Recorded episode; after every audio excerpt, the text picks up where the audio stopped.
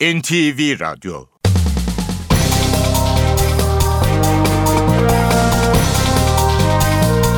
İşe Giderken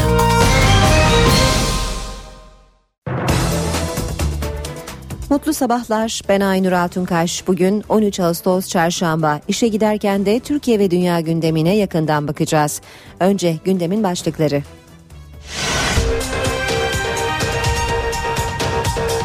28 Ağustos'ta görev süresi sona erecek olan Cumhurbaşkanı Abdullah Gül, devlet erkanına köşkte verdiği resepsiyonla veda etti. Resepsiyonda konuşan Gül, Halefi Recep Tayyip Erdoğan'a seçilmiş Cumhurbaşkanı diye hitap etti. Başbakan Erdoğan köşkteki resepsiyonda gazetecilerin soruları üzerine Gül'ün partiye dönmesine bir mani yok dedi.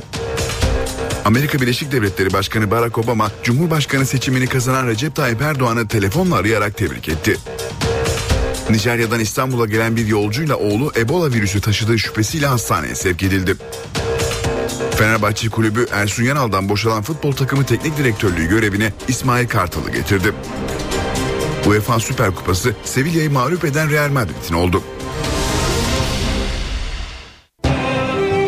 İşe Giderken gazetelerin gündemi.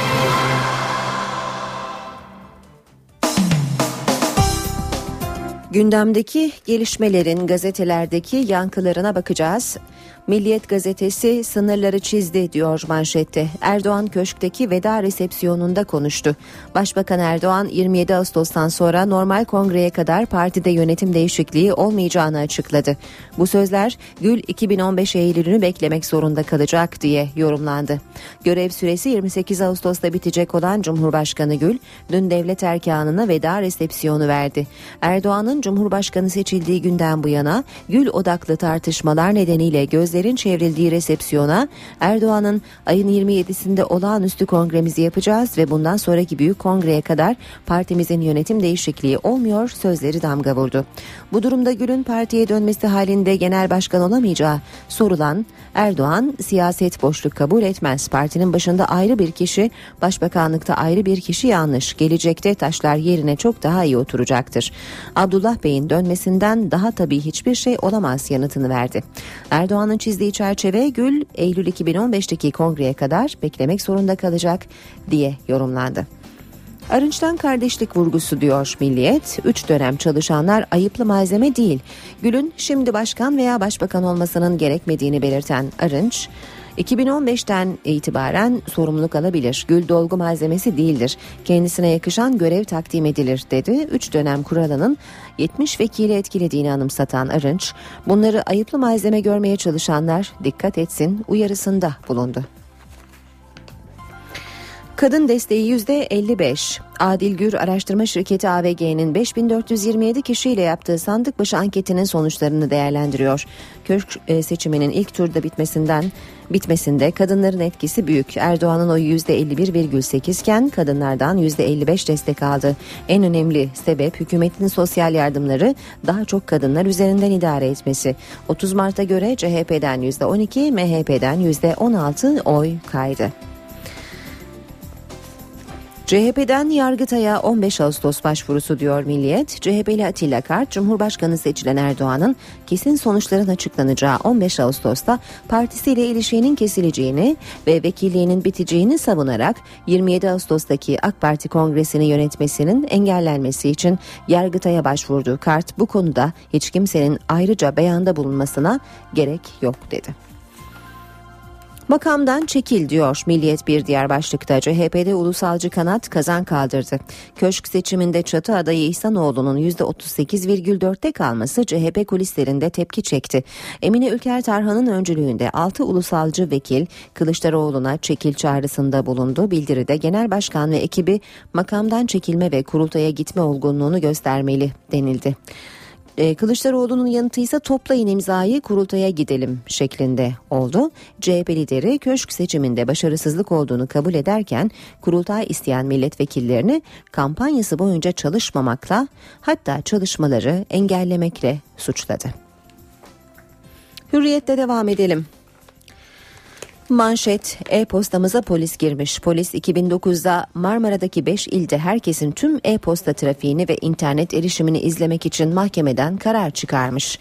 Talep 16 Ekim 2009'da geçen hafta tutuklanan eski İstanbul İstihbarat Şube Müdürü Erol Demirhan'ın imzasıyla terör örgütlerini izleme gerekçesiyle bir soruşturma olmadan doğrudan 13. ağır cezaya sunuldu. Başvuruda daha önce 3 ay için verdiğiniz telefon ve sinyal bilgilerinin incelenme izni bugün bitti. Şimdi e-postaları izlemek için izin istiyoruz denildi.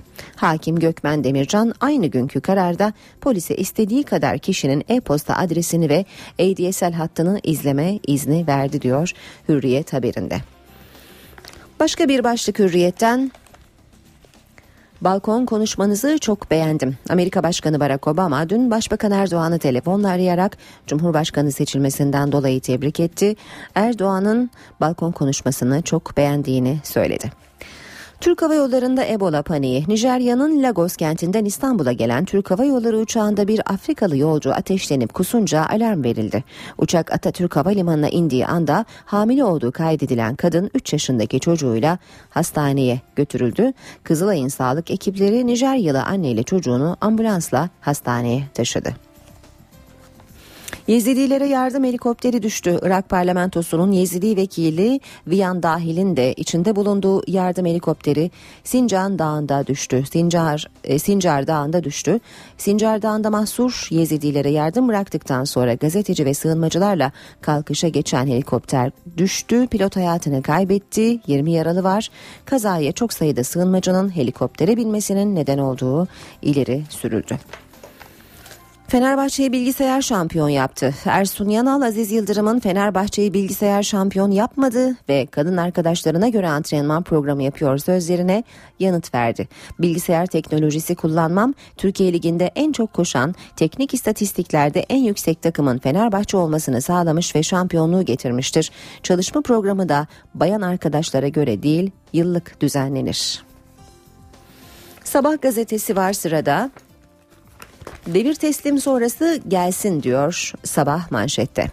Seçilmiş Cumhurbaşkanı ve Başbakan Erdoğan, Abdullah Bey'in partimize dönmesine devir teslimden sonra hiçbir mani yok açıklamasını yaptı. Pratikte hiç faydası yok. Arınç, e, Gül'ün başımızın üstünde yeri var ama başbakanlık olmazsa genel başkanlığın pratik faydası yok açıklamasını yaptı. Kapı cinayetinde tek suçlu güvenlik. Bakırköy Başsavcılığı Galatasaray Florya tesislerinin kapısına sıkışarak hayatını kaybeden Erkan Koyuncu'nun ölümüne ilişkin sadece güvenliğin cezalandırılmasını talep ederek şaşkınlık yarattı. Rihanna Liverpool'u istiyor. Ünlü şarkıcı Rihanna Drogba'ya ulaşarak Chelsea'yi satın almak istediğini iletti. Fil dişili yıldızdan kulübün satılık olmadığını öğrenen Rihanna bu kez Liverpool'a yöneldi. Geçelim Cumhuriyet'e. Pişmanım diyor manşeti Cumhuriyet'in. CHP lideri istifasını isteyen vekilleri partiye taşımakla hata ettiğini söyledi. CHP lideri Ulusalcı Kan'a sert yanıt verdi. Çalışmadan eleştirme dönemini bitirmeye kararlı olduğunu belirten Kılıçdaroğlu, seçim böl seçimde bölgelerine gidip çalıştılar mı bu arkadaşlarımız? Hayır dedi. Kılıçdaroğlu kurultay çağrılarına da güçleri yetiyorsa gerekli imzayı toplayıp karşıma çıkarlar restini çekti. Disiplini sağlamak için ne gerekiyorsa yapacağını vurgulayan Kılıçdaroğlu, üzülerek ifade edeyim ki bu arkadaşlarımın çoğunu siyasete taşıyan benim hata ettim dedi. Kılıçdaroğlu muhalifleri Erdoğan'la Gül arasındaki çatlağı gölgelemek için zemin hazırlamakla suçladı. Baykal'ın ince hesabı diyor yine bir başlıkta Cumhuriyet. CHP'de çok parçalı muhalefet harekete geçti. Ulusalcı kanattan 6 vekil Kılıçdaroğlu'na bırak kurultaya git çağrısı yaptı. Muharrem İnce'nin ise grup başkan vekilliğini bırakıp liderlik yarışına girmesi bekleniyor. Gelişmeleri izlemekle yetindiğini söyleyen Baykal'ın da İnce'ye destek verdiği ileri sürülüyor. Yine Cumhuriyet'ten başlık Güle kibarca red. Erdoğan 2015'teki büyük kongreye kadar yönetimde yoksun dedi. Canlı canlı gömeceklerdi. Zonguldak'ta eksiklikleri nedeniyle üretimi durdurulmasına rağmen kaçak olarak çalıştırılan özel maden ocağında meydana gelen göçük ölümlerden ders çıkarılmadığını bir kez daha ortaya koydu. Firma yetkililerinin göçüğü gizlemeye kalkmaları nedeniyle 9 madenci yaşam savaşı verdi. Aileler 9 saat sonra göçükten haberdar oldu. Yetkililere haber verdi ve madenciler kurtarıldı. Habertürk'le devam ediyoruz. Zirvede birlik mesajı diyor Habertürk manşette. Erdoğan Gül'ün veda resepsiyonunda bundan sonra da beraberlik içinde yürüyeceğiz dedi. CHP'nin yakasından düşsünler diyor yine bir diğer başlıkta Habertürk. Kılıçdaroğlu'ndan istifasını isteyen 6 e, CHP milletvekiline rest hem çalışmayacaksın oturacaksın hem de Ekmel Bey başarısız olsun diye dua edeceksin. Sonra basın toplantısı yapacaksın. Bunlar partili değil CHP'nin yakasından düşsünler. İmzaları getirsinler kurultay yapalım. Ne kadar süre istiyorlarsa. Çatı niye çöksün? AKP'deki karışıklıklar yansımasın diye CHP'ye yönelik operasyon yapılıyor. 3000 lira teşvik için 5 gün kaldı. Bazı okullar ve velileri uyardı başvurun. Bazı okullar velilere mektup yazıp devletin bu yıl özel okul ve öğrencilere vereceği 2500 ila 3500 liralık teşvikten yararlanmaları için başvurmalarını istedi. Teşvikten çocukları herhangi bir özel okula kayıt yaptırmış olan aileler de yararlanacak. Onların da aynı şekilde 5 gün içinde başvurusu gerekiyor. Yeni Şafak gazetesi taşlar yerine oturacak manşetiyle çıkmış. Gül'ün partiye dönmesine bir mani yok. Erdoğan'ın resepsiyonda yaptığı konuşmayı e, manşetine taşıyor Yeni Şafak'ta. Erdoğan Cumhurbaşkanı Gül'ün veda resepsiyonunda partinin geleceğine ilişkin önemli açıklamalar yaptı. Siyasette boşluk olmaz. Bir de partinin başında ayrı, başbakanlıkta ayrı kişi olmaz. İnanıyorum ki partide taşlar yerine çok iyi oturacaktır.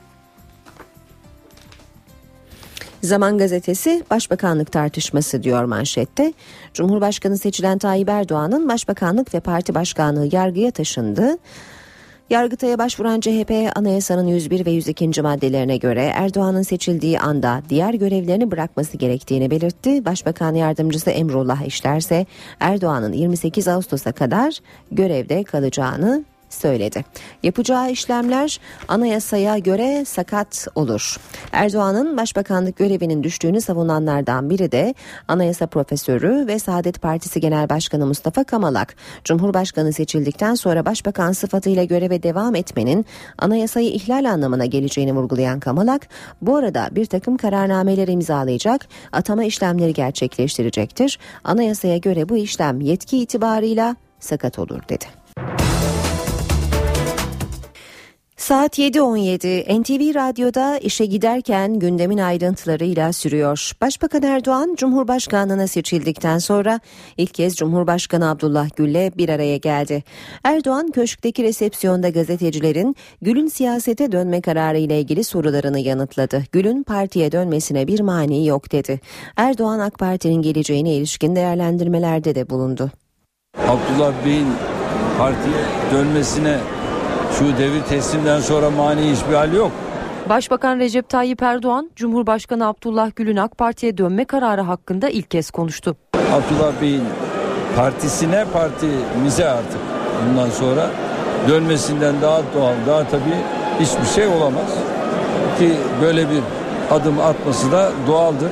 Başbakan bu mesajları Cumhurbaşkanı Gül'ün devletin zirvesine düzenlediği veda resepsiyonunda verdi. Gündeminde partisinin 27 Ağustos'ta düzenleyeceği olağanüstü kongrede vardı. Partimizin yönetim değişikliği olmuyor. Sadece genel başkan. Zaten tek maddelik bir gündemle toplanacak. O da genel başkan seçimidir. Sadece genel başkan seçimi yapılacak. Gündem bu o kadar. Erdoğan AK Parti'nin yeni genel başkanıyla başbakanın aynı kişi olacağını bir kez daha vurguladı. Bir de tabii partinin başında ayrı bir kişi, başbakanlıkta ayrı bir kişi bu yanlış bir olaydır, yanlış bir süreçtir. Onun için biraz da gelecek noktasında inanıyorum ki e, partide de taşlar yerine çok daha iyi oturacaktır. Başbakan Erdoğan'a kendisinden sonra AK Parti'de liderlik tartışması yaşanacağı iddiaları da soruldu. Başbakan partisinin suni bir tartışmaya çekilmek istendiğini savundu. CHP'de yaşanan kurultay tartışmasını hatırlattı. O çekmek isteyenlere ben bir tavsiyede bulunuyorum. Onlar gitsinler CHP ile uğraşsınlar, gitsinler MHP ile uğraşsınlar. Biraz onlar kendilerine çeki düzen versinler. Orada çok ciddi sıkıntılar var. 28 Ağustos'ta görev süresi sona erecek olan Cumhurbaşkanı Abdullah Gül devlet erkanına köşkte verdiği resepsiyonla veda etti. Resepsiyonda konuşan Gül, Halefi Recep Tayyip Erdoğan'ı tebrik etti, ona seçilmiş Cumhurbaşkanı diye hitap etti. Artık Sayın Başbakan'a seçilmiş Cumhurbaşkanı diye hitap edeceğim ona göre. Halef ve Selef ilk kez bir araya geldi. Görev süresi 28 Ağustos'ta sona erecek Cumhurbaşkanı Abdullah Gül, devletin zirvesine veda resepsiyonu düzenledi. Resepsiyon Cumhurbaşkanı Gül'le Türkiye'nin 12. Cumhurbaşkanı Recep Tayyip Erdoğan'ı köşk seçiminden sonra ilk kez bir araya getirdi. İlk karşılaşmaları samimi oldu. Gül ve Erdoğan eşleriyle birlikte objektiflere poz verdi. Geçen pazar günü yapılan seçimlerde 12. Cumhurbaşkanı olarak seçilmiş bulunan Sayın Başbakan Recep Tayyip Erdoğan'ı canı gönülden tebrik ediyorum. Gül 1100 kişinin davet edildiği resepsiyonda ilk kez kürsüden konuştu. Devletin zirvesine veda konuşması yaptı. Bölgesel konularda önemli uyarılarda bulundu. Son günlerde başta yakın çevremiz olmak üzere bütün dünyada ne yazık ki insanlığın geldiği uygarlık düzeyine yakışmayan çok ciddi siyasi gerginliklerin ve silahlı çatışmaların, işgallerin, katliamların yaşanmakta olduğunu da endişeyle görüyorum. Dolayısıyla Türkiye'nin her zamankinden daha güçlü, istikrarlı, itibarlı, saygın ve müreffeh olmasına kendi çıkarlarımız bakımından olduğu kadar bölge ve dünya barışı içinde muhtaç olduğumuzu vurgulamak istiyorum. Devletin zirvesini bir araya getiren resepsiyona Meclis Başkanı Cemil Çiçek, Genelkurmay Başkanı Orgeneral Necdet Özel, Anayasa Mahkemesi Başkanı Haşim Kılıç, MHP lideri Devlet Bahçeli, MİT Müsteşarı Hakan Fidan ve bakanlar katıldı. CHP lideri Kemal Kılıçdaroğlu ve HDP eş başkanı Selahattin Demirtaş ise resepsiyonda yoktu. Abdullah Gül ve eşi Hayri Nisa Gül geçmiş resepsiyonların aksine bu sefer konuklarını kapıda karşılamadı. Gül çifti bunun yerine salonda dolaşarak konuklarıyla tek tek ilgilendi. Hayri Nisa Gül, Emine Erdoğan ve Semra Özal 3 First Lady bir arada sözleriyle bir anı fotoğrafı çektirdi. Resepsiyonun sonunda Gül ve Erdoğan eşleriyle birlikte yaklaşık bir saatlik özel bir görüşmede gerçekleştirdi. Amerika Birleşik Devletleri Başkanı Barack Obama, Cumhurbaşkanı seçimini kazanan Recep Tayyip Erdoğan'ı telefonla arayarak tebrik etti. Bu telefon görüşmesi iki lider arasında 6 ay sonra gerçekleşen ilk görüşme. Ancak iki lider önümüzdeki iki ay içinde üç kez daha görüşecek. Amerika Birleşik Devletleri Başkanı Barack Obama, Cumhurbaşkanlığı seçimini kazanan Başbakan Recep Tayyip Erdoğan'ı arayarak tebrik etti. Başbakan Erdoğan ve Obama en son 20 Şubat 2014'te görüşmüştü. Başbakanlıktan yapılan açıklamaya göre 6 aylık aranın ardından gerçekleşen görüşmede Obama Erdoğan'a yeni görevinde başarılar diledi. Görüşmede Başbakan Erdoğan'ın balkon konuşması da gündeme geldi. Obama başbakanın balkon konuşmasını takdirle karşıladığını ifade etti. 45 dakika süren görüşmede Suriye, Irak ve Gazze konuları da gündemdeydi. Obama, Türkiye'nin Suriyeli ve Iraklılara yaptığı insani yardımları takdirle karşıladığını söyledi. Biz Biden'la Irak meselesinde görüşüyoruz. E ben Sayın Cumhurbaşkanımıza söyledim. Yani bir dedim siz arayın e, Sayın Obama'yı şu konuyu onunla bizzat görüşün. Uzun süredir ikili görüşme yapmayan Obama ve Erdoğan Eylül ve Kasım aylarında üç kez bir araya gelecek. Başbakan Recep Tayyip Erdoğan 28 Ağustos'ta Cumhurbaşkanlığı görevini devralacak. Obama ile yapacağı görüşmelerde Türkiye Cumhuriyeti'nin 12. Cumhurbaşkanı sıfatıyla gerçekleşecek. Görüşmelerden ilki Eylül başında Galler'in başkenti Cardiff'te düzenlenecek NATO zirvesinde planlandı. Uzun zaman sonra gerçekleşecek bu ikili zirve Başbakan Erdoğan'ın Cumhurbaşkanı sıfatıyla Amerikan Başkanı ile yapacağı ilk görüşme olması açısından da dikkat çekici olacak. İkinci görüşmesi Amerika Birleşik Devletleri'nde 25 Eylül'de gerçekleşecek. Birleşmiş Milletler Genel Kurulu'nda New York'ta yapılacak. Üçüncü buluşma ise Kasım ayında G20 zirvesinde. Cumhurbaşkanı seçiminin ardından yanıt bekleyen birçok soru var. Bunlardan biri Türkiye'nin 12. Cumhurbaşkanı seçilen Recep Tayyip Erdoğan'ın başbakanlık görevinin ne zaman sona ereceği. Muhalefete göre seçimin kesin sonuçlarının açıklanmasıyla Erdoğan'ın milletvekilliği ve bununla birlikte başbakanlığı düşüyor. İktidara göre ise önce mazbatanın alınması gerekiyor. CHP Grup Başkan Vekili Engin Altay, MHP Grup Başkan Vekili Oktay Boral ve AK Parti Genel Başkan Yardımcısı Mustafa Şentop'un görüşlerine bakalım. Yüksek Seçim Kurulu'nun e, kesinleşen seçim sonuçlarını ilan ettiği gün Recep Tayyip Erdoğan artık milletvekili değildir. Mevcut Cumhurbaşkanı bu iradeyle e, açıkçası hem partisini yönetmesi hem de başbakanlığı yönetmesi yok hükmündedir. 28'ine kadar Türkiye'nin Cumhurbaşkanı Abdullah Gül'dür. Şimdi bu tabloya baktığımızda Cumhurbaşkanı seçilmiş diyebilir miyiz? Aynı anda iki tane Cumhurbaşkanı olabilir mi? Recep Tayyip Erdoğan'ın Cumhurbaşkanı seçilmesi, Başbakanlık görevi ne zaman sona erecek tartışmasını da beraberinde getirdi. Muhalefete göre Yüksek Seçim Kurulu'nun Erdoğan'ın Cumhurbaşkanı seçildiğini resmi olarak duyurduğu an, yani 15 Ağustos Cuma günü Başbakanlık görevi düşer. Mevcut Sayın Cumhurbaşkanı'nın bir e, tezkere yazarak başbakan vekilini e, bildirmesi lazım. Bunu yazmazsa Sayın Gül de e, kanunları eğip bükmüş olur. Partiyle ilişiği kesilmek hukuken artık üye değildir anlamındadır. Yani anayasa bunun üyeliğini kesiyor. E, üyeliğini kesmiş e, birisinin açıkçası e, kurultayı yönetmesi e, söz konusu olamaz. E, Türkiye'ye yeni krizler getirmemek lazım. Ancak AK Parti'ye göre Başbakanın görev süresi Erdoğan'ın mazbatasını alıp Cumhurbaşkanı yemin edeceği 28 Ağustos tarihinde sona erecek. Başbakanımızın görevi devam ediyor. 28'inde ancak Cumhurbaşkanlığı sıfatını kazandıktan itibaren hem siyasi parti üyeliği hem milletvekilliği düşmüş olacak. Konu yargıya da taşındı. CHP Konya Milletvekili Atilla Kart, Erdoğan'ın başbakanlık görevinin 15 Ağustos'ta sona ermesi için Yargıtay Cumhuriyet Başsavcılığına başvuruda bulundu. Cumhurbaşkanı seçiminde sandıktan çıkan sonuç CHP'yi karıştırdı. Muhalif kanat Genel Başkan Kemal Kılıçdaroğlu'na istifa çağrısı yaptı. Parti yönetimi ise kurultay isteyen muhaliflerin restine restle karşılık verdi. CHP'deki tartışmaya MHP lideri Devlet Bahçeli de katıldı. Sayın Genel Başkan ve ekibi makamdan çekilme ve kurultaya gitme olgunluğunu göstermelidir. Bu umutsuzluk ve kaybetme döngüsü artık kırılmalıdır. CHP'de Ekmelettin İhsanoğlu'nun adaylığına karşı çıkan milletvekilleri seçim sonuçlarının ardından faturayı genel merkeze kesti. Partinin ulusalcı kanadından 6 milletvekili CHP lideri Kılıçdaroğlu'nu istifaya çağırdı. 14 siyasi partinin adayı olan bir adayın onların toplam oyundan düşük oy almasını bir başarı olarak nitelemek Cumhuriyet Halk Partisi'nin tabanının aklı ile alay etmektir bana göre. Tam bir fiyaskodur. Cumhuriyet mağdur edilmiştir.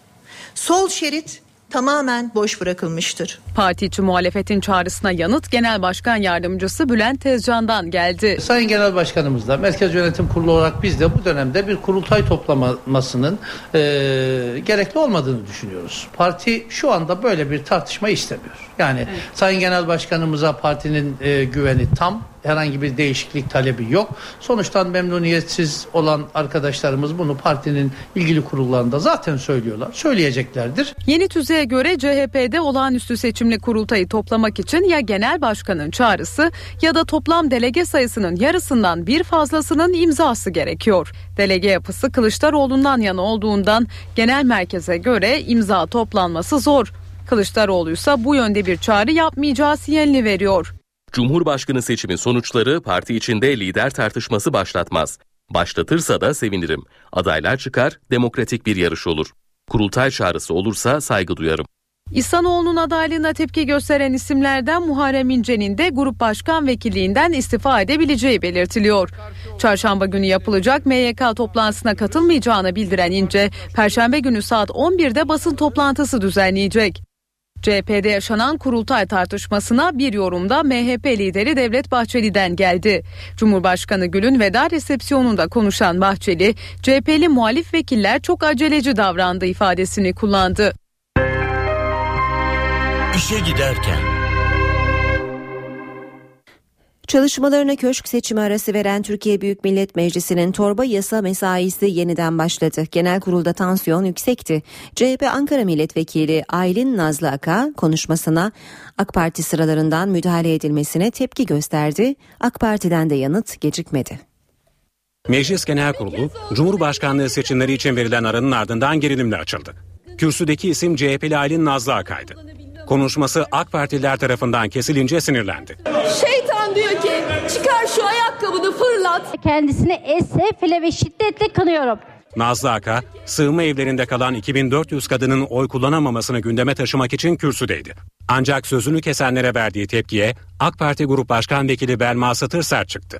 bir kadın parlamenterin ayakkabısını çıkarıp milletvekillerine, halkın seçtiği milletvekillerine atmak gibi son derece basit ve şiddet içeren hareketten dolayı kendisini kınıyorum. Bu arkadaşımızı öncelikle saygıya ve terbiyeye davet ediyorum. Bu millet çatısı altında böyle bir hareket bugüne kadar herhalde hiçbir kadın parlamenter tarafından yapılmamıştı. Arkadaşlarımıza tekmeler, uçan tekmeler atıldığını unutmuyoruz. İşte meclise böylesine şiddeti taşımış olmanız da yine sizin eserinizdir. Bu noktada kahkaha atmanın bile iffetsizlik olarak kabul edildiği partiniz zihniyeti tarafından ben de size anlayacağınız dilde cevap vermeye çalıştım. Genel kurul bu gerilimin ardından torba tasarı mesaisine devam etti. 28 Ağustos'ta görev süresi sona erecek olan Cumhurbaşkanı Abdullah Gül, devlet erkanına köşkte verdiği resepsiyonla veda etti. Resepsiyonda konuşan Gül, Halefi Recep Tayyip Erdoğan'a seçilmiş Cumhurbaşkanı diye hitap etti. Başbakan Erdoğan köşkteki resepsiyonda gazetecilerin soruları üzerine Gül'ün partiye dönmesine bir mani yok dedi. Amerika Birleşik Devletleri Başkanı Barack Obama, Cumhurbaşkanı seçimini kazanan Recep Tayyip Erdoğan'ı telefonla arayarak tebrik etti. Nijerya'dan İstanbul'a gelen bir yolcuyla oğlu Ebola virüsü taşıdığı şüphesiyle hastaneye sevk edildi. Fenerbahçe Kulübü Ersun Yanal'dan boşalan futbol takımı teknik direktörlüğü görevine İsmail Kartal'ı getirdi. UEFA Süper Kupası Sevilla'yı mağlup eden Real Madrid'in oldu. Gündemin ayrıntılarıyla devam ediyoruz. Nijerya'dan İstanbul'a gelen bir yolcuyla oğlu Ebola virüsü taşıdığı şüphesiyle hastaneye sevk edildi. İki kişinin Ebola olup olmadığı yetkili tetkikler tamamlandıktan sonra kesinlik kazanacak. Virüs Batı Afrika'da binden fazla kişinin ölümüne neden oldu.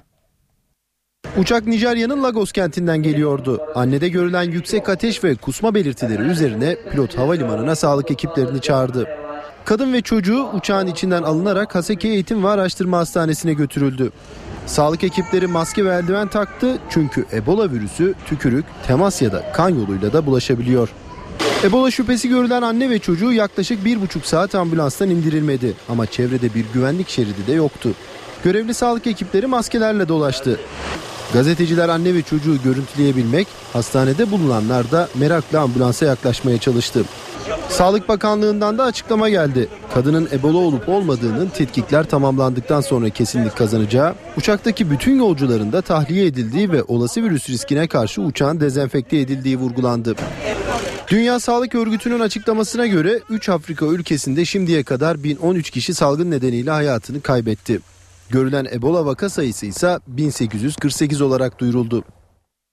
Dünya Sağlık Örgütü Ebola salgınıyla mücadelede henüz deneme aşamasında olan yani insanlar üzerinde test edilmemiş ilaçların da kullanılabileceğini açıkladı. Bu ilaçlardan biri için Liberya, Amerika Birleşik Devletleri'ne başvuruda bulundu. Ebola çaresiz bıraktı. Dünya Sağlık Örgütü virüsle mücadelede deney aşamasındaki ilaçların kullanımına yeşil ışık yaktı. Örgüt Ebola karşısında etkisi ve yan etkileri bilinmeyen ilaçların kullanımının etik olduğunu açıkladı. Ebola salgınının özel durumu göz önüne alınarak salgını önlemek için deneme aşamasındaki ilaçların kullanımının etik olduğuna oy birliğiyle karar verildi. Bununla birlikte tedavinin hastanın rızasıyla gerçekleşmesi gerektiğine vurgu yapıldı. Batı Afrika'daki salgından en çok etkilenen ülkelerden Liberya, deneme aşamasındaki bir ilaç için Amerika Birleşik Devletleri'nden talepte bulundu. Washington talebe olumlu yanıt verdi. Zimep adlı ilacın numunelerinin bu hafta içinde Liberya'ya ulaşması bekleniyor. Zimep daha önce Batı Afrika'da bulunan iki Amerikalı sağlık çalışanı bir de İspanyalı rahibin tedavisinde kullanılmıştı. Amerikalıların durumunda iyileşme gözlendi. Ancak rahip hayatını kaybetti. İspanyol rahip Ebola nedeniyle Avrupa'da hayatını kaybeden ilk kişi olarak kayıtlara geçti. Gine, Sierra Leone, Liberya ve Nijerya'da görülen salgında ölenlerin toplam sayısı da bini aşmış durumda. Zonguldak'ta özel bir maden ocağında göçük oluştu. Mahsur kalan 9 işçi 14 saat sonra kurtarılabildi. Maden ocağının sahiplerinin olayı 9 saat boyunca sakladıkları ortaya çıktı. Bunun nedeni ise daha sonra belli oldu. Mayıs ayında denetimden geçemeyen ocak kaçak çalıştırılıyordu. 14 saat mahsur kaldıkları madenden yürüyerek çıktılar. Zonguldak'ta kaçak çalıştırılan madendeki göçük 9 saat saklandı. Dilaver Mahallesi'ndeki ocağın girişinde gece 2 sıralarında tavan çöktü. İçeride çalışan 9 işçi mahsur kaldı. Maden sahipleri yetkililere haber vermedi. Ocaktaki imkanlarla kurtarma çalışması başlatıldı. İşçiler hava aydınlanana kadar içerideki madencilere ulaşmaya çalıştı. Ancak sonuç alınamadı. Kazayı yaklaşık 9 saat saklayan ocak yetkilileri sabah eve dönmeleri gereken işçilerin ailelerini aramak zorunda kaldı. Bu sabah 8'de çıkması lazımdı. Gece 2.30'da gıcık olmuş. Köyde öğrendim saat 10'da haber verdiler. Buraya geldikten sonra 155 aradım. Kimseye aramamışlar.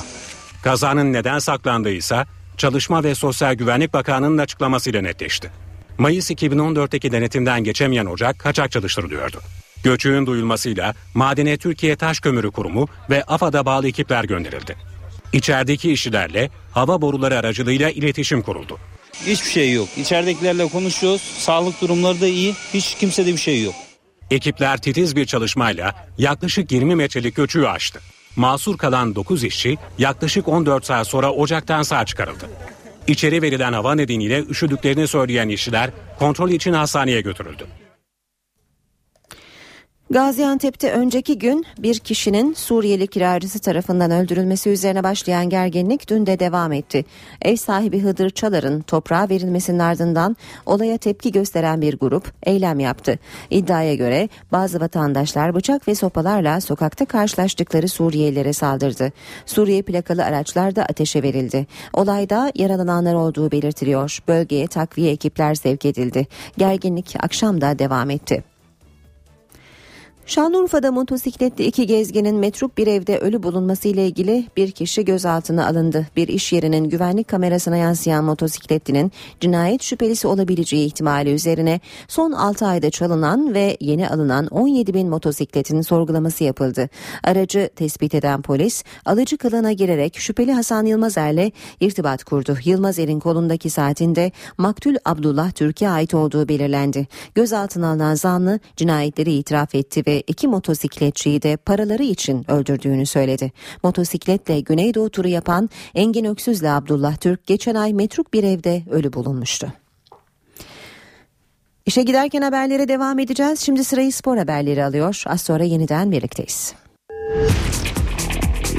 Spor haberleri başlıyor.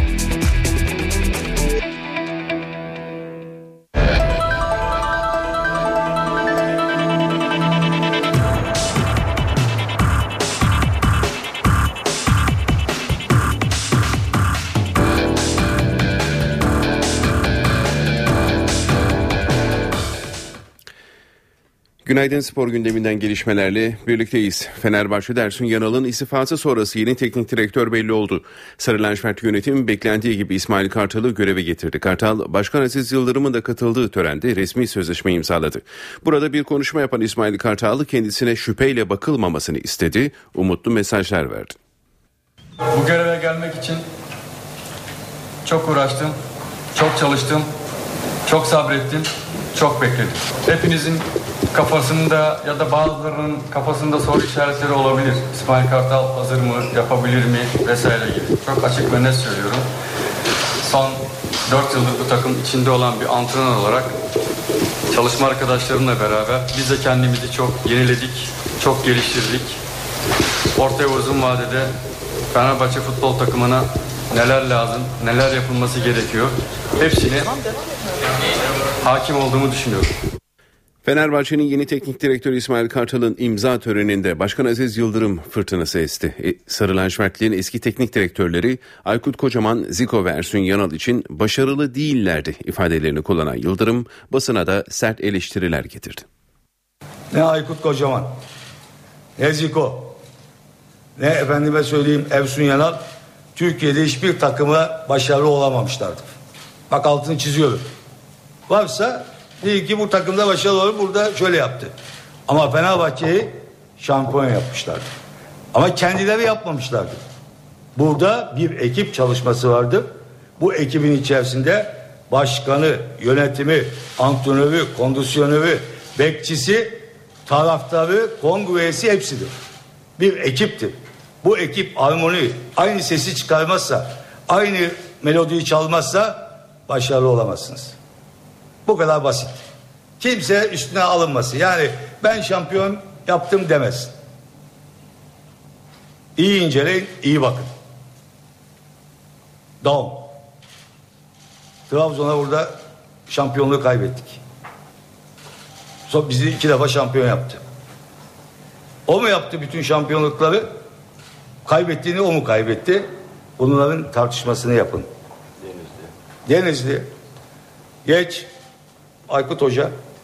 Evet. Galatasaray'da burada lig, ligi kaybettik. Ama ertesi şampiyon olduk. Bu değerlendirme ya bir sene şampiyon olmakla bu değerlendirmeleri yapmayın. Bundan sonra herkes için açık konuşacağım. Herkesle yaşadığımı da söyleyeceğim. Bakın söylüyorum. Daha çok ağır şeyler konuşuyorum. O zaman iyi şeyler olmaz. Ben ne çekiyorsak biz kurumsal yapı diye susuyoruz. içimize atıyoruz. İçimizde dengeleri kurmaya çalışıyoruz. Ama başkaları gidip rakı masalarında, sohbet masalarında yalan şeyler anlatıyorlar. Biz de cevap vermeyeceğiz diye. Ama bundan sonra herkese cevabım vardır bilin. Galatasaray ile devam edelim. Galatasaray yeni sezon hazırlıkları çerçevesinde önce 21 yaş altı ardından da 19 yaş altı takımlarıyla iki antrenman maçı yaptı. Sarı Kırmızılar ilk maçtan 9-0 ikinci karşılaşmadan da 3-0'lık üstünlükle ayrıldı. Yeni sezon hazırlıklarını Florya Metin Oktay tesislerinde sürdüren Galatasaray 21 yaş altı takımıyla yaptığı hazırlık maçını 9-0, 19 yaş altı takımıyla oynadığı mücadele ise 3-0 galip bitirdi. Teknik direktör Cesare Prandelli iki maçta ayrı oyuncuları sahaya sürdü. 21 yaş altı takımıyla gerçekleştirilen maçta ilk 11 Alperen, Furkan Özçal, Koray Günter, Emre Can Coşkun, Emre Tosun Hamit, Yekta, Umut Gündoğan, Amrabat, Emre Çolak ve Umut Bulut'tan oluştu. Prandelli sağ ilk yarıda Furkan'ı, ikinci yarıda 21 yaş altı takımından Can Özgür'ü denedi. 9-0 biten maçta Emre Çolak attığı 3 gol ve oynadığı etkili futbolla beğeni topladı. İlk yarıda 21 yaş altı takımında yer alan Sinan Gümüş ikinci yarıda az kadroya geçti ve attığı 2 golle dikkat çekti. Umut Bulut ve Amrabat da ikişer golle skora katkı yaptı. Galatasaray'ın geçen sezon transfer ettiği ama yabancı statüsünde olduğu için lisans çıkartamadığı, daha sonra da sakatlık geçirdiği için oynatamadığı Endoğan Adili de sahalara döndü. Antrenmanda ön çapraz bağları kopan genç futbolcu 6 ay sonra ilk kez maça çıkarak 21 yaş altı takımıyla A takıma karşı oynadı. Karşılaşmayı Başkan Ünal Aysal ve yönetim kurulu üyelerinin büyük bir çoğunluğu da takip etti. İkinci maçta daha çok az oyunculara forma veren teknik direktör Prandelli sahaya Eray, Veysel, Semih, Çeju, Teles, Yasin Selçuk, Melo, Bruma, Olcan ve Burak'tan oluşan ilk 11'i çıkarttı. Sakatlık geçiren Bruma'nın yerine Aydın Yılmaz, ikinci yarıda da Teles'in yerine de Hakan Balta oyuna girdi. A takımın 3-0 kazandığı maçta gollerin ikisini Burak, birini Aydın kaydetti. Prandelli'nin göreve gelişinden sonra A2 takımına gönderilen Sabri Ebue, Dani Ontivero, Yiğit Gökoğlan, Engin Baytar ve Gökhan Zan A takımla yapılan maçlarda oynamadı. Ve Beşiktaş, Beşiktaş Arsenal'ı ezberliyor. Slaven Bilic'in yardımcıları İngiliz ekibinin oynadığı son Manchester City karşılaşmasını izleyerek geniş kapsamlı bir rapor hazırladı. Beşiktaş Şampiyonlar Ligi playoff turunda eşleştiği Arsenal'ı yakın takibe aldı.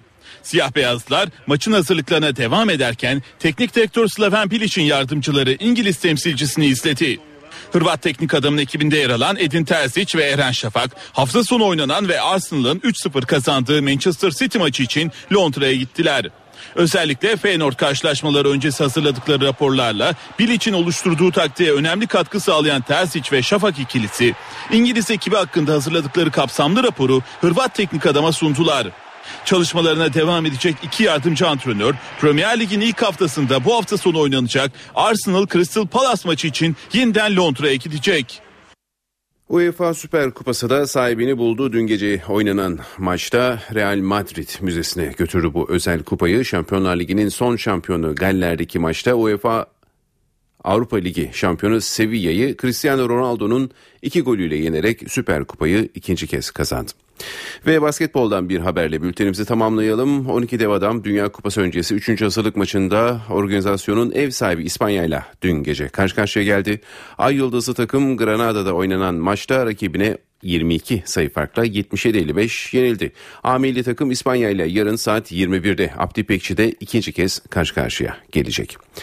Bu bilgilerle spor bültenimizi tamamlıyoruz. İyi günler diliyoruz. NTV Radyo Herkese yeniden günaydın. İşe giderken de yeni saate başlıyoruz. Birazdan Gökhan'a buradan son hava tahminlerini alacağız. Önce gündemin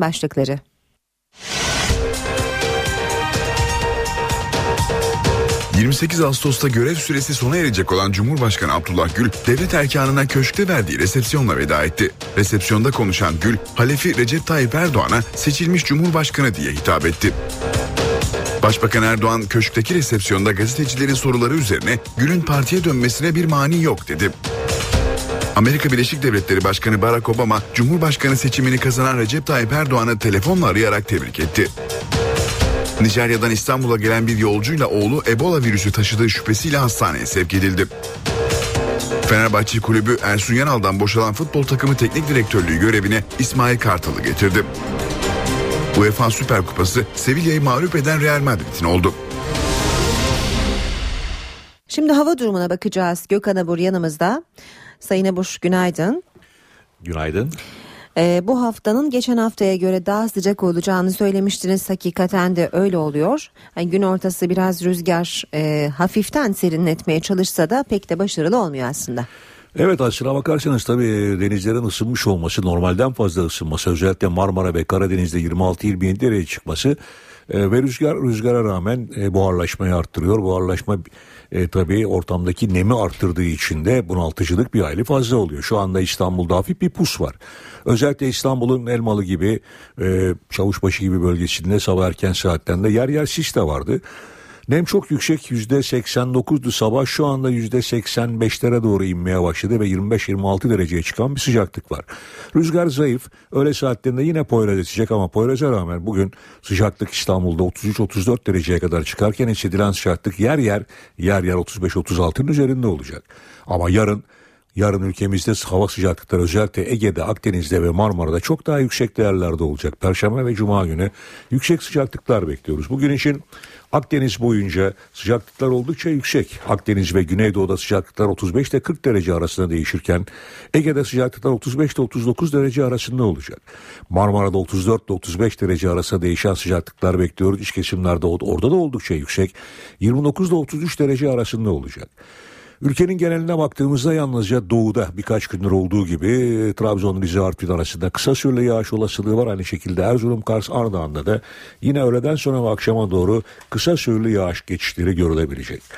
Pazara kadar sıcaklıklar yükseliyor. Fakat pazar günü Trakya'dan gelen yeni bir serin hava var. Bu serin hava en azından Marmara, Batı Karadeniz ve Kuzey Ege'den başlayarak biraz da olsa serinlik vererek hissedilen sıcaklıkların azalmasını ve sıcaklıkların mevsim ortalamalarına dönmesine yardımcı olacak. Pazar gece saatlerinde havanın biraz serinlemesiyle Trakya'da yağış başlayacak gibi gözüküyor şu anda. İstanbul'da da pazar gecesi ve pazartesi günü çok hafif de olsa yağış geçişi görülebilir.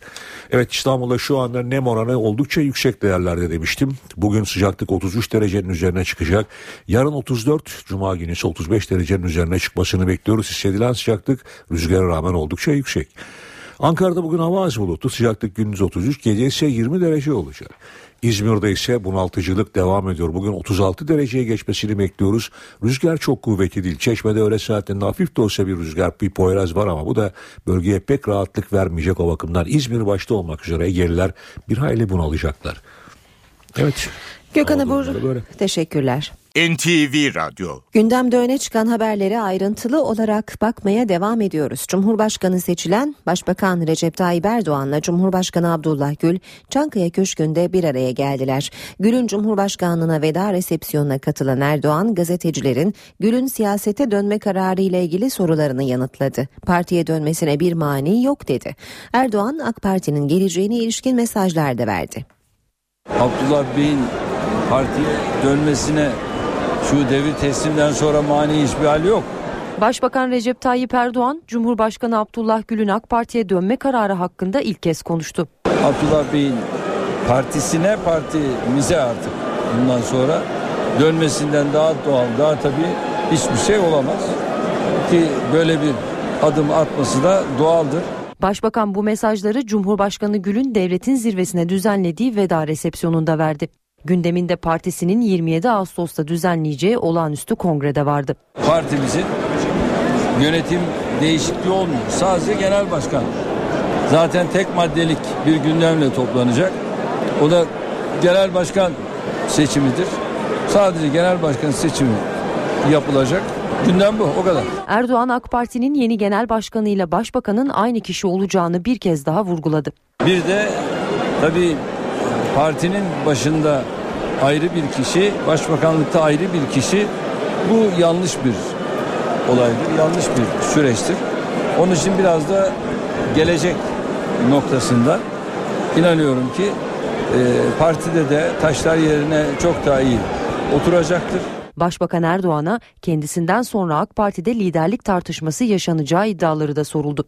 Başbakan partisinin suni bir tartışmaya çekilmek istendiğini savundu. CHP'de yaşanan kurultay tartışmasını hatırlattı. O çekmek isteyenlere ben bir tavsiyede bulunuyorum. Onlar gitsinler CHP ile uğraşsınlar, gitsinler MHP ile uğraşsınlar. Biraz onlar kendilerine çeki düzen versinler. Orada çok ciddi sıkıntılar var. Cumhurbaşkanı Abdullah Gül de resepsiyonda halefini kutladı. Erdoğan'a seçilmiş Cumhurbaşkanı diye hitap etti. Artık Sayın Başbakan'a seçilmiş Cumhurbaşkanı diye hitap edeceğim ona göre. Halef ve Selef ilk kez bir araya geldi. Görev süresi 28 Ağustos'ta sona erecek Cumhurbaşkanı Abdullah Gül, devletin zirvesine veda resepsiyonu düzenledi. Resepsiyon Cumhurbaşkanı Gül'le Türkiye'nin 12. Cumhurbaşkanı Recep Tayyip Erdoğan'ı köşk seçiminden sonra ilk kez bir araya getirdi. İlk karşılaşmaları samimi oldu. Gül ve Erdoğan eşleriyle birlikte objektiflere poz verdi. Geçen pazar günü yapılan seçimlerde 12. Cumhurbaşkanı olarak seçilmiş bulunan Sayın Başbakan Recep Tayyip Erdoğan'ı canı gönülden tebrik ediyorum. Gül 1100 kişinin davet edildiği resepsiyonda ilk kez kürsüden konuştu. Devletin zirvesine veda konuşması yaptı. Bölgesel konularda önemli uyarılarda bulundu. Son günlerde başta yakın çevremiz olmak üzere bütün dünyada ne yazık ki insanlığın geldiği uygarlık düzeyine yakışmayan çok ciddi siyasi gerginliklerin ve silahlı çatışmaların, işgallerin, katliamların yaşanmakta olduğunu da endişeyle görüyorum.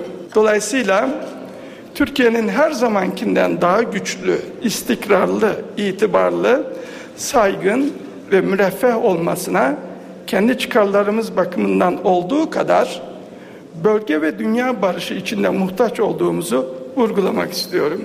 Devletin zirvesini bir araya getiren resepsiyona Meclis Başkanı Cemil Çiçek, Genelkurmay Başkanı Orgeneral Necdet Özel, Anayasa Mahkemesi Başkanı Haşim Kılıç, MHP lideri Devlet Bahçeli, MİT Müsteşarı Hakan Fidan ve bakanlar katıldı. CHP lideri Kemal Kılıçdaroğlu ve HDP eş başkanı Selahattin Demirtaş ise resepsiyonda yoktu. Abdullah Gül ve eşi Hayri Nisa Gül geçmiş resepsiyonların aksine bu sefer konuklarını kapıda karşılamadı. Gül çifti bunun yerine salonda dolaşarak konuklarıyla tek tek ilgilendi. Hayri Nisa Gül, Emine Erdoğan ve Semra Özal 3 First Lady bir arada sözleriyle bir anı fotoğrafı çektirdi. Resepsiyonun sonunda Gül ve Erdoğan eşleriyle birlikte yaklaşık bir saatlik özel bir görüşmede gerçekleştirdi. Cumhurbaşkanı seçiminde sandıktan çıkan sonuç CHP'yi karıştırdı. Muhalif kanat Genel Başkan Kemal Kılıçdaroğlu'na istifa çağrısı yaptı. CHP lideri bu çağrıya rest çekerek karşılık verdi. Parti yönetimi bugün toplanıyor. CHP'deki tartışmaya MHP lideri Devlet Bahçeli de katıldı. Sayın Genel Başkan ve ekibi makamdan çekilme ve kurultaya gitme olgunluğunu göstermelidir. Bu umutsuzluk ve kaybetme döngüsü artık kırılmalıdır. CHP'de Ekmelettin İhsanoğlu'nun adaylığına karşı çıkan milletvekilleri seçim sonuçlarının ardından faturayı genel merkeze kesti. Partinin ulusalcı kanadından 6 milletvekili CHP lideri Kılıçdaroğlu'nu istifaya çağırdı. 14 siyasi partinin adayı olan bir adayın onların toplam oyundan düşük oy almasını bir başarı olarak nitelemek Cumhuriyet Halk Partisi'nin tabanının aklı ile alay etmektir bana göre. Tam bir fiyaskodur. Cumhuriyet mağdur edilmiştir.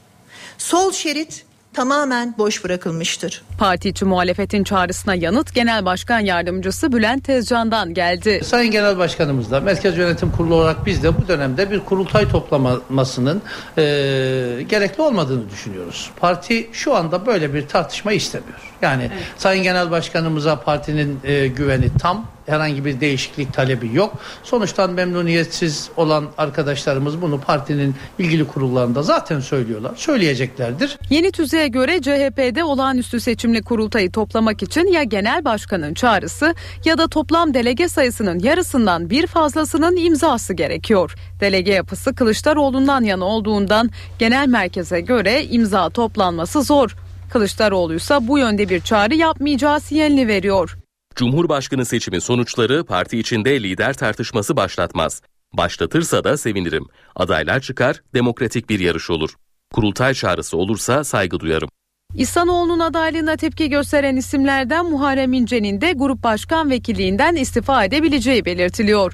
Çarşamba günü yapılacak MYK toplantısına katılmayacağını bildiren İnce, Perşembe günü saat 11'de basın toplantısı düzenleyecek.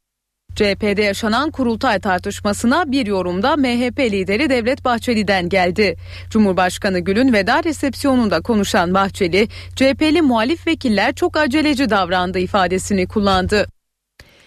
Milli Güvenlik Kurulu bugün toplanıyor. Cumhurbaşkanı Abdullah Gül'ün son kez başkanlık edeceği toplantıya Recep Tayyip Erdoğan da yine son kez başbakan sıfatıyla katılacak. Milli Güvenlik Kurulu toplantısı Abdullah Gül'ün yanı sıra emekliye ayrılacak olan Jandarma Genel Komutanı Orgeneral Servet Yörük için de veda niteliği taşıyor.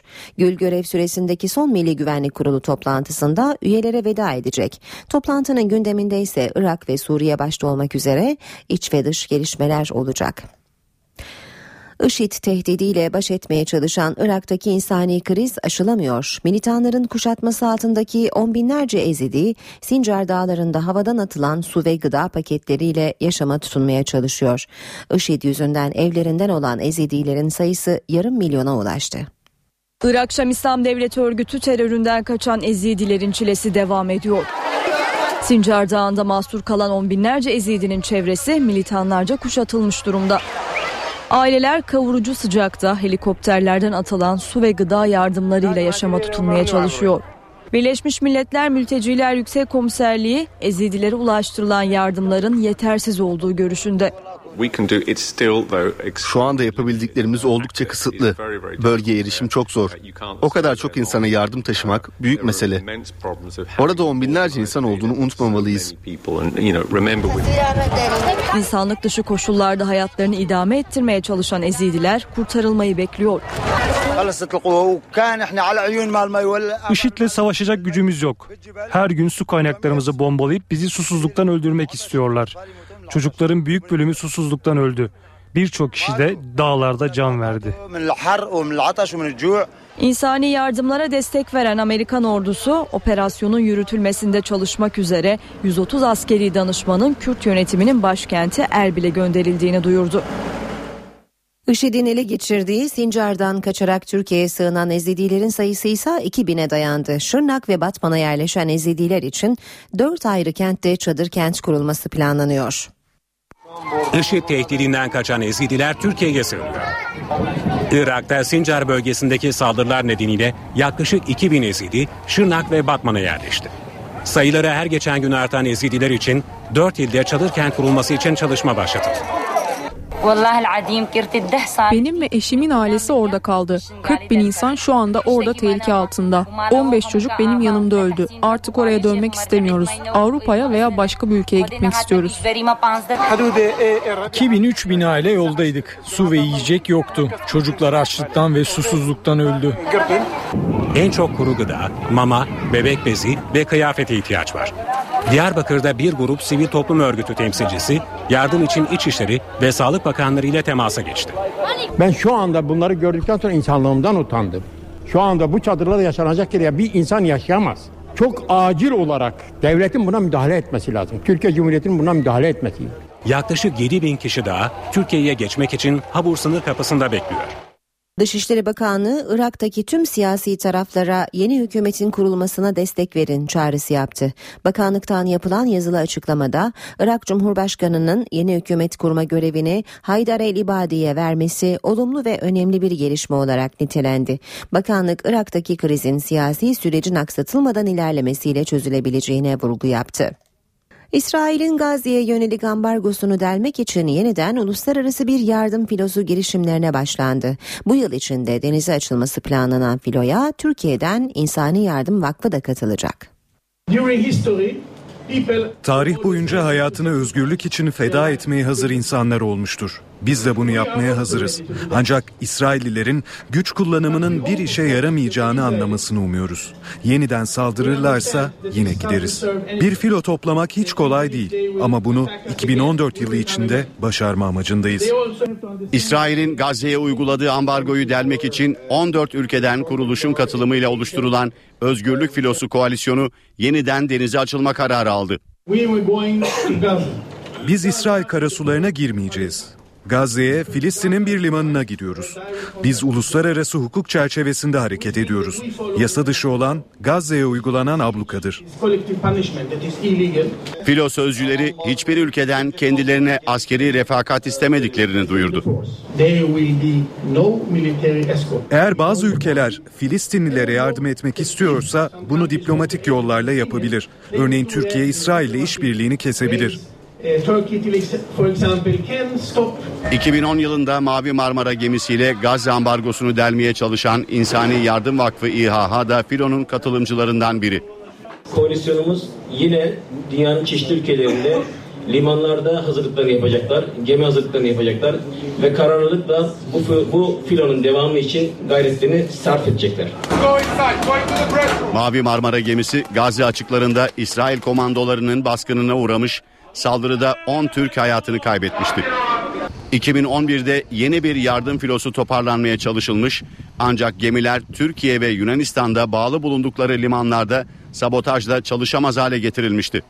Filistinli yaralıları getirecek askeri uçak bu sabah yola çıktı. Tel Aviv'e gidecek Türk Silahlı Kuvvetlerine ait uçağın aralarında çocukların da bulunduğu 20 yaralıyla refakatçilerini Türkiye'ye getirmesi planlanıyor. NTV Radyo 8.23 saat işe giderken de beraberiz. Cumhurbaşkanı Abdullah Gül'ün dün köşkte verdiği veda resepsiyonunda hem Gül'ün konuşması hem de Başbakan Erdoğan'ın Cumhurbaşkanı seçilen Başbakan Erdoğan'ın verdiği mesajlarla güne başladık. E, bugün Milli Güvenlik Kurulu toplantısı olacak e, Ankara'da ama yanı sıra AK Parti'de neler olacağı kongreye kadar ve kongrede neler olacağı gibi e, sorular yanıt bekliyor. Murat Barış Koralp'e dönelim şimdi Ankara'da karşımızda.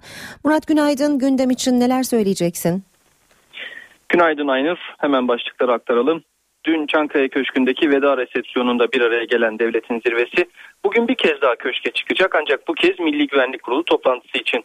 Cumhurbaşkanı Abdullah Gül'ün son kez başkanlık edeceği MGK'ya Recep Tayyip Erdoğan da son kez başbakan sıfatıyla katılacak. MGK toplantısı Abdullah Gül'ün yanı sıra emekliye ayrılacak olan Jandarma Genel Komutanı Orgeneral Servet Yörük için de bir veda niteliği taşıyor. MGK toplantısında masada ise en önemli gündem başlıkları Irak ve Suriye olacak. Bugün gözler köşk kadar ana muhalefet kanadında da olacak. CHP'de kurultay gerilimi yaşanıyor çünkü CHP'de Ekmelettin İhsanoğlu'nun adaylığına karşı çıkan milletvekilleri 6 milletvekili dün mecliste bir basın toplantısı gerçekleştirmişlerdi. Partinin ulusal kanadına mensup bu milletvekilleri CHP lideri Kılıçdaroğlu'nu istifaya çağırmışlardı. Genel Başkan Yardımcısı Bülent Tezcan ise kurultay düşünmediklerini dün itibariyle açıklamıştı. Bütün bu başlıklar bugün CHP lideri Kemal Kılıçdaroğlu başkanlığında toplanacak Merkez Yönetim Kurulu toplantısında değerlendirilecek. Meclise geçelim. Dün AK Parti torba tasarının meclisten geçebilmesi için üçüncü kez Meclis Genel Kurulu'nun çalışma süresini uzattı. AK Parti'nin grup önerisiyle Meclis Genel Kurulu 24 Ağustos'a kadar torba tasarı mesaisi yapacak. 150 maddelik tasarı yasalaşırsa madencilik, taşeron işçilik ve kamu borçlarının yeniden yapılandırılması başta olmak üzere 45 farklı kanunda köklü değişiklikler gerçekleştirecek. Bunun da yakından takibini yapıyor olacağız Ankara'da. Kısaca gündemin başlıkları böyle. Aynur. Murat teşekkürler. Şimdi ekonomi başlığıyla devam edelim. Birazdan piyasalardaki rakamları aktaracağız. Önce Profesör Doktor Güngör Uras'ı dinleyeceğiz. Ayşe teyze ne yapsın? Güngör Uras, Ayşe teyze ekonomide olan biteni anlatıyor. Merhaba sayın dinleyenler, merhaba Ayşe Hanım teyze, merhaba Ali Rıza Bey amca. Üretici ürününün satış fiyatının emeğini ve de maliyetini karşılamadığından yakınıyor. Bu nedenle üretimi arttıramıyor. Tüketici ise ürünün üretici fiyatı ile pazar, manav, market fiyatı arasındaki farkın büyüklüğü altında eziliyor. Tüm gıda maddelerinde ve özellikle yaş meyve ve sebzede, et ve sütte tüketicinin ödediği fiyat üreticinin fiyatına ek olarak aracının, toptancının hal ve nakliye masrafı ile fiyata eklediği kar payıdır. Buna ek olarak da pazarcının, manavın ve marketin satış giderleri ve bozuk elde kalma riski ile kar payı toplamından oluşur. Üretici dertli çünkü yaş meyve ve sebzede hava şartları üretimi etkiliyor. Ürünün satışa hazır hale geldiği dönemde talep olmaz ise ürün tarlada kalıyor veya aracı toptancı yok fiyatına malı satın alıyor. Kaldı ki her ürün döneminde ürünün tamamı aynı kalitede olmadığından aynı fiyata satılamıyor. Aracı toptancı şikayetçi çünkü ulaştırma ve hal masrafları yüksek. Alınan her mal kaliteli değil. Hasarlı mal risk yaratıyor. Her ürünle hemen alıcı bulunamıyor. Pazarcı, manav, market alış fiyatının üzerine pazarlama giderlerini yüklemek zorunda. Her gıda maddesi aynı kalitede değil. Bu nedenle fiyat farklılaştırması zorunluluğu var. Elde kalan raf ömrü biten ürünlerin yükü de fiyata bindiriliyor. Bütün bunlara rağmen üretici fiyatı ile pazar ve market fiyatı arasında çok büyük farklar var. Şimdilerde üretici domatesi tarlada 63 kuruştan satıyor. Tüketici domatese pazarda 2 lira, markette 4-5 lira ödüyor. Türkiye Ziraat Odaları Birliği her ay üretici ve market fiyatlarını araştırıyor. Temmuz sonu itibariyle 2013 ve 2014 yıllarında üretici fiyatlarında dikkati çekecek kadar artış yok. Hatta bazı ürün fiyatlarında gerileme var.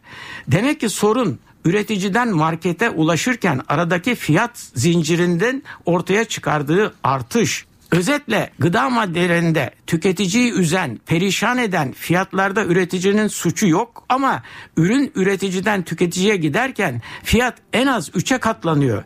Çözüm üretici fiyatının üzerine eklenen yükleri en aza indirmekte.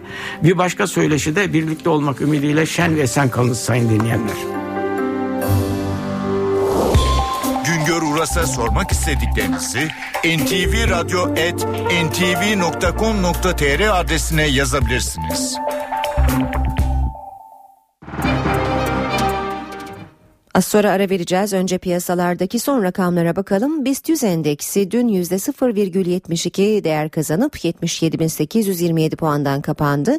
Bu sabah dolar 2.16, euro 2.89'dan işlem görüyor. Euro dolar 1.34 dolar yen 102 düzeyinde. Altının onsu 1309 dolar. Kapalı çarşıda gram altın 91, çeyrek altın 151 liradan satılıyor. Brent petrolün varili 103 dolar. 28 Ağustos'ta görev süresi sona erecek olan Cumhurbaşkanı Abdullah Gül, devlet erkanına köşkte verdiği resepsiyonla veda etti. Resepsiyonda konuşan Gül, Halefi Recep Tayyip Erdoğan'a seçilmiş Cumhurbaşkanı diye hitap etti. Başbakan Erdoğan köşkteki resepsiyonda gazetecilerin soruları üzerine Gül'ün partiye dönmesine bir mani yok dedi. Amerika Birleşik Devletleri Başkanı Barack Obama, Cumhurbaşkanı seçimini kazanan Recep Tayyip Erdoğan'ı telefonla arayarak tebrik etti. Nijerya'dan İstanbul'a gelen bir yolcuyla oğlu Ebola virüsü taşıdığı şüphesiyle hastaneye sevk edildi. Fenerbahçe Kulübü Ersun Yanal'dan boşalan futbol takımı teknik direktörlüğü görevine İsmail Kartal'ı getirdi. UEFA Süper Kupası Sevilla'yı mağlup eden Real Madrid'in oldu.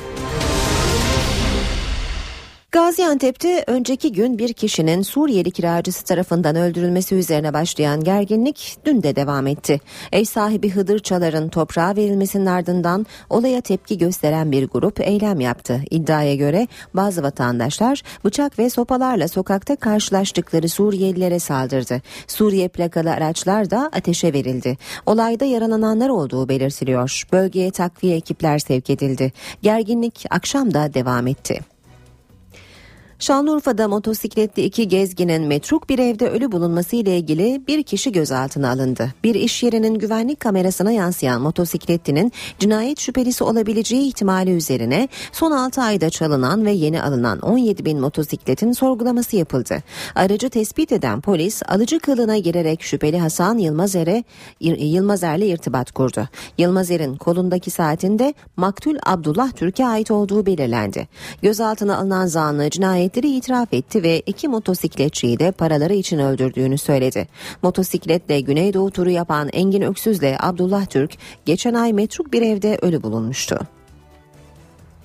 Yaz aylarında boğulma haberlerine her gün yenileri ekleniyor. Haziran ayından bu yana Türkiye genelinde 80'den fazla kişi boğularak hayatını kaybetti. Binlerce kişi ise boğulmaktan kurtarıldı. Üstelik ölenlerin çoğu çocuk. Yaz sezonunda 80'den fazla kişi boğularak öldü. En çok boğulma, baraj göleti, sulama kanalları, nehirlerde meydana geldi. Ramazan bayramına denk gelen Temmuz ayının son haftasında boğulma olayları tırmanışa geçti. Bir haftada 50'ye yakın kişi hayatını kaybetti. Boğularak yaşamını yitirenlerin büyük çoğunluğunu çocuklar oluşturuyor. Son vaka Aydın'dan ve Tekirdağ'dan geldi. Tekirdağ'da 9 yaşındaki Melih Kahveci, Şarköy'de bir tatil sitesinde tek başına denize girdi. Küçük çocuk bir süre sonra gözden kaybolunca arama çalışması başlatıldı. Çocuğun cenazesi 20 saatlik arama çalışmasının ardından bulundu. Aydın'da 13 yaşındaki Umut Aktaş dün serinlemek için gittiği baraj gölünden çıkamadı. Gözden kaybolan çocuğun yakınları polise haber verdi. Aktaş arama çalışması sürüyor. İstanbul'da ise Bakırköy'de denize girmenin tehlikeli ve yasak olduğu yerden serinlemek için giren 19 yaşındaki genç boğularak hayatını kaybetti. Ağrı'da bir itfaiye aracı şarampole devrildi. Üç kişi hayatını kaybetti. Sabuncu köyünde çıkan bir yangına müdahale etmeye giden araç virajı alamayınca şarampole yuvarlandı. Kazada sürücüyle birlikte iki itfaiye eri olay yerinde hayatını kaybetti. Sabuncu köyü muhtarı İbrahim Kırboğa yolda herhangi bir uyarı levhası olmadığı için kazanın meydana gelmiş olabileceğini söyledi. Diyarbakır'da Dağ Kapı Meydanı'nın ismi Şeyh Said olarak değiştirildi. Meydana ayrıca Şeyh Said'le birlikte idam edilen 46 kişinin isimlerinin yazılı olduğu bir anıt da yapılacağı öğrenildi. Dağ Kapı Meydanı'nın adı Şeyh Said oldu. İsim değişikliği Diyarbakır Büyükşehir Belediyesi'nin teklifi üzerine oy birliğiyle kabul edildi. Meydana ayrıca Şeyh Said'le birlikte idam edilen 46 kişinin isimlerinin yazılı olduğu bir anıt da yapılacağı öğrenildi. Biz bugün burada bu büyük tarihi yanlışın yarattığı tahribatları bir parça da olsa onarabilmek ve ortadan kaldırabilmek için önemli bir adım attık. Şeyh Said'in 1925 yılında Diyarbakır'ın Lice ilçesinde liderlik ettiği isyan kısa sürede Bingöl ve Elazığ'a yayıldı. Bu sırada bacanağı Kasım Bey Şeyh Said'i ihbar etti, isyan bastırıldı. Şeyh Said aynı yıl içinde 46 arkadaşıyla birlikte yakalanarak Dağ Kapı Meydanı'nda idam edildi. Arşivler açılmadığı için Şeyh Said ve arkadaşlarının mezar yeri bilinmiyor. Bu meydanın yanı başına onların hatırasını yaşatacak bir mescidin yapılması, bir e, müzenin yapılması ve e, aynı zamanda konferans salonu ve bütün bu e, ihtiyaçları karşılayan bir kompleksin de yapılmasını biz e, talep ediyoruz. Bölge halkı meydana Şeyh Said isminin verilmesini olumlu karşıladı. Bu e, meydanın isminin değiştirilmesinden dolayı memnuniyetimizi duyuyoruz. Gaziantep ve çevresinde yetiştirilen Antep fıstığı Manisa'nın Yunt Dağı bölgesinde de önemli bir geçim kaynağı haline geldi. Manisa'nın Antep fıstığı Gaziantep'e de satılıyor. Dünyaca ünlü Antep fıstığı memleketinden yüzlerce kilometre uzaklıkta Manisa'da üretiliyor. Tarım Bakanlığı Yunt Dağı bölgesinde ürün yelpazesinin genişletilmesi amacıyla çitlenbik ağaçlarına Antep fıstığı aşısı yaptı. Çalışmalar olumlu sonuç verdi. Bölgede çeşitli meyve ağaçlarına 6 bin yeni Antep fıstığı aşısı yapıldı. Yunt Dağı'nda bugün bütün köylerimizde e, Antep fıstığı çitlenbik ağaçlarına aşı yapılarak ürün elde etmeye başladı. Köylerimiz bununla geçinmeye başladılar. Daha önce geçimini hayvancılıkla sağlayan köylüler de durumdan memnun. Geçimimiz Antep fıstığı yüzünden çok güzel. Bundan çok memnunuz. Çok kazanç elde etmekteyiz. Bu yıl Antep fıstıklarını don vurmasının ardından sıkıntılı günler geçiren Gaziantep'li üreticiler de Manisa'ya gelerek Antep fıstığı alıyor. Daha önceden biz bilmiyorduk. Bazı gelen arkadaşlarımız tavsiye etti. Buranın ürünlerinin biraz daha güzel olduğunu. İşte biz de gelip burada çalışıp kazanıyoruz. İşte ufak tefek işlerle uğraşıyoruz. Manisa'da her yıl ortalama 80 ila 200 ton arasında fıstık üretimi yapılıyor. Kilosuysa 15 ila 20 lira arasında değişen fiyatla satılıyor. İşe giderken İngiltere'de kulaksız dünyaya gelen çocuk sıra dışı bir ameliyatla kulaklarına kavuştu. 9 yaşındaki çocuk kaburga kemiklerinden yapılan kulakları sayesinde artık duyabiliyor. İngiltere'de doğuştan kulaksız olan ve duymayan bir çocuğa kaburga kemiklerinden kulak yapıldı. 9 yaşındaki Kieran Sorkin, mikrotorya olarak tanımlanan bir şekilde yani sağır ve kulaksız olarak doğdu. Ancak doktorlar onun da duyabilmesi için sıra dışı bir operasyona imza attı. Doktorlar çocuğu önce duymasını sağlayacak bir ameliyat aldı. Daha sonra da Kieran Sorkin'in kaburgalarından alınan kemikle dış kulak yapıldı. Operasyondan önce tek istediğim büyük kulaklara sahip olmak diyen çocuk için annesinin kulağı model alındı. Kulaklarının normal görüntüsüne kavuşması için Kieran 6 ay içinde son bir operasyon daha geçirecek. Bir sağlık haberi daha var sırada. Bilim dünyası bunama ve Alzheimer'a çare arıyor. Son olarak laboratuvar ortamında beyin dokusu üretildi. Beyin fonksiyonlarını taklit eden bu dokuyla artık araştırmalar daha kolay yapılabilecek. Amerikalı bilim insanları laboratuvar ortamında 3 boyutlu beyin dokusu üretmeyi başardı. Bilim dünyası çığır açan bu gelişmeyi konuşuyor. Süngerimsi doku, ipek proteini ve kolajen bazlı jelden üretildi. Farelerden alınan nöronlar burada geliştirildi ve 3 boyutlu beyin dokusu elde edildi. Doku laboratuvar ortamında 2 ay yaşayabiliyor. Bilim insanları şimdiye kadar yalnızca 2 boyutlu nöron üretebiliyordu. Fakat bu nöronlar beyin dokusunun karmaşık yapısını taklit edemiyordu. Gelişme beyin hastalıkları açısından umut oldu. Doktorlar beyin fonksiyonlarını taklit eden bu doku sayesinde üzerinde çalışabilecekleri bir araştırma alanı kazandıklarını söylüyor. Beyin travması ve demans, Alzheimer gibi hastalıklar için tedavi bulma sürecinin hızlanabileceği belirtiliyor. Önceki gün evinde ölü bulunan Robin Williams'ın intihar ettiği kesinleşti. Ünlü aktörün kendini kemeriyle astığı belirtildi. 63 yaşında yaşamına son veren Robin Williams'ın kesin ölüm nedeni belli oldu. Soruşturmayı yürüten adli tıp uzmanı ünlü aktörün kendini kemeriyle asarak boğduğunu teyit etti. Adli tıp uzmanı olay sırasında Williams'ın herhangi bir madde etkisinde olup olmadığının araştırıldığını sözlerine ekledi. Komşuları ve sevenleri Oscar ödüllü aktörün Kaliforniya'daki evinin önüne çiçekler bıraktı.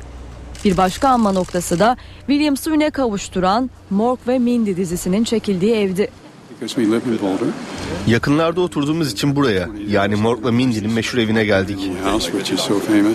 Hayranları evin önüne çiçekler ve notlar bıraktı. Hollywood'dan bir yıldız daha kaydı. Bir dönemin unutulmaz aktrislerinden Lauren Bacall 89 yaşında New York'taki evinde hayatını kaybetti. Şuh bakışları ve sesiyle bir döneme damga vuran ünlü aktris 19 yaşındayken Humphrey Bogart'la başrolünü paylaştığı Malik Olmak veya Olmamak filmiyle Hollywood'a adım attı. Bacall'un Humphrey Bogart'la aşkı beyaz perdeyle sınırlı kalmadı. 1945'te evlenen ikili Bogart'ın 12 yıl sonra gelen ölümüne denk dek birlikteydi. Lauren Bacall 2009 yılında Akademi Onur Ödülü'ne layık görülmüştü.